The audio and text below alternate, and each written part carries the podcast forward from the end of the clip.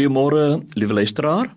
Hierdie nuwe dag ontsluit die potensiaal aan my gebied om naaste liefde te betoon, ongeag die irritasies wat ander aan my besorg.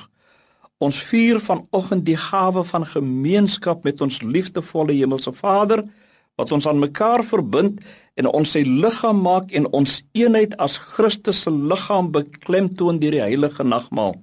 Ons reis saam met Jesus op hierdie pad van liefde en stel ons beskikbaar om waar daar onmin is vrede te lewe, waar daar haat is liefde te gee, waar daar selfsugtigheid heers mededeelsaam te wees.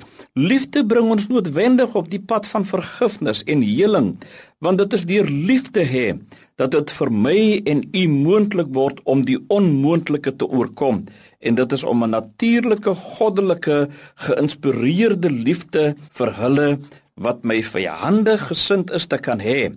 Wanneer ons so lief het dat dit soms seer maak, dan weet ons dat die Vader ook ons smeekbede om genade en vergifnis hoor en dit 'n werklikheid maak in die onsigbare goddelike dimensie waar die boek van die lewe my naam en u naam vertoon opgeteken in onuitwisbare ink omdat ons vergifnis van God ontvang het in terme van Matteus 6:14 en 15 wat dit duidelik maak dat God ons slegs vergewe in die mate waartoe ons bereid is om ons medemens te vergewe vir hul oortredinge teenoor ons.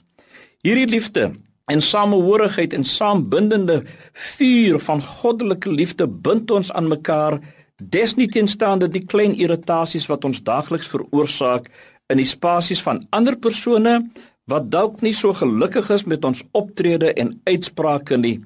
Dit plaas 'n wag voor my mond. Ek dink voor ek praat.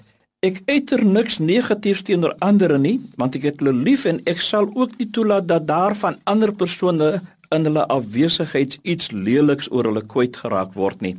Ek vermy en berispe, maar ek moet negatiewe mense wat gedurig iets kwaads te sê het oor ander persone en sensasie behep is en hulle skuldig maak aan skinder en gifpyle afvuur in die liggame van hulle wat nie in staat is om die teendeel te bewys nie.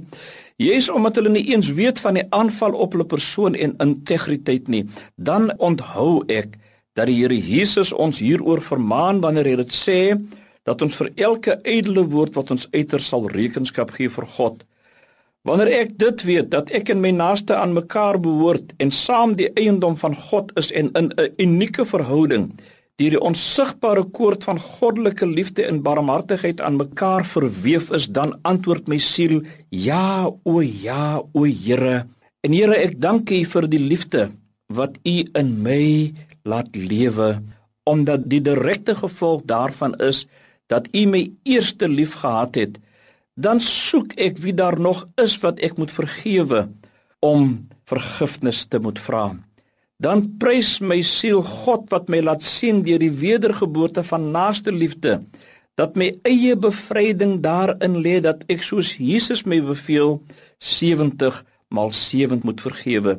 Dan is daar vir my geen meer verskoning om die produk te wees van ellendigheid en 'n onvergewensgesinde hart en swaarmoedigheid nie. Dankie Here dat ons U daarvoor kan vertrou. Amen.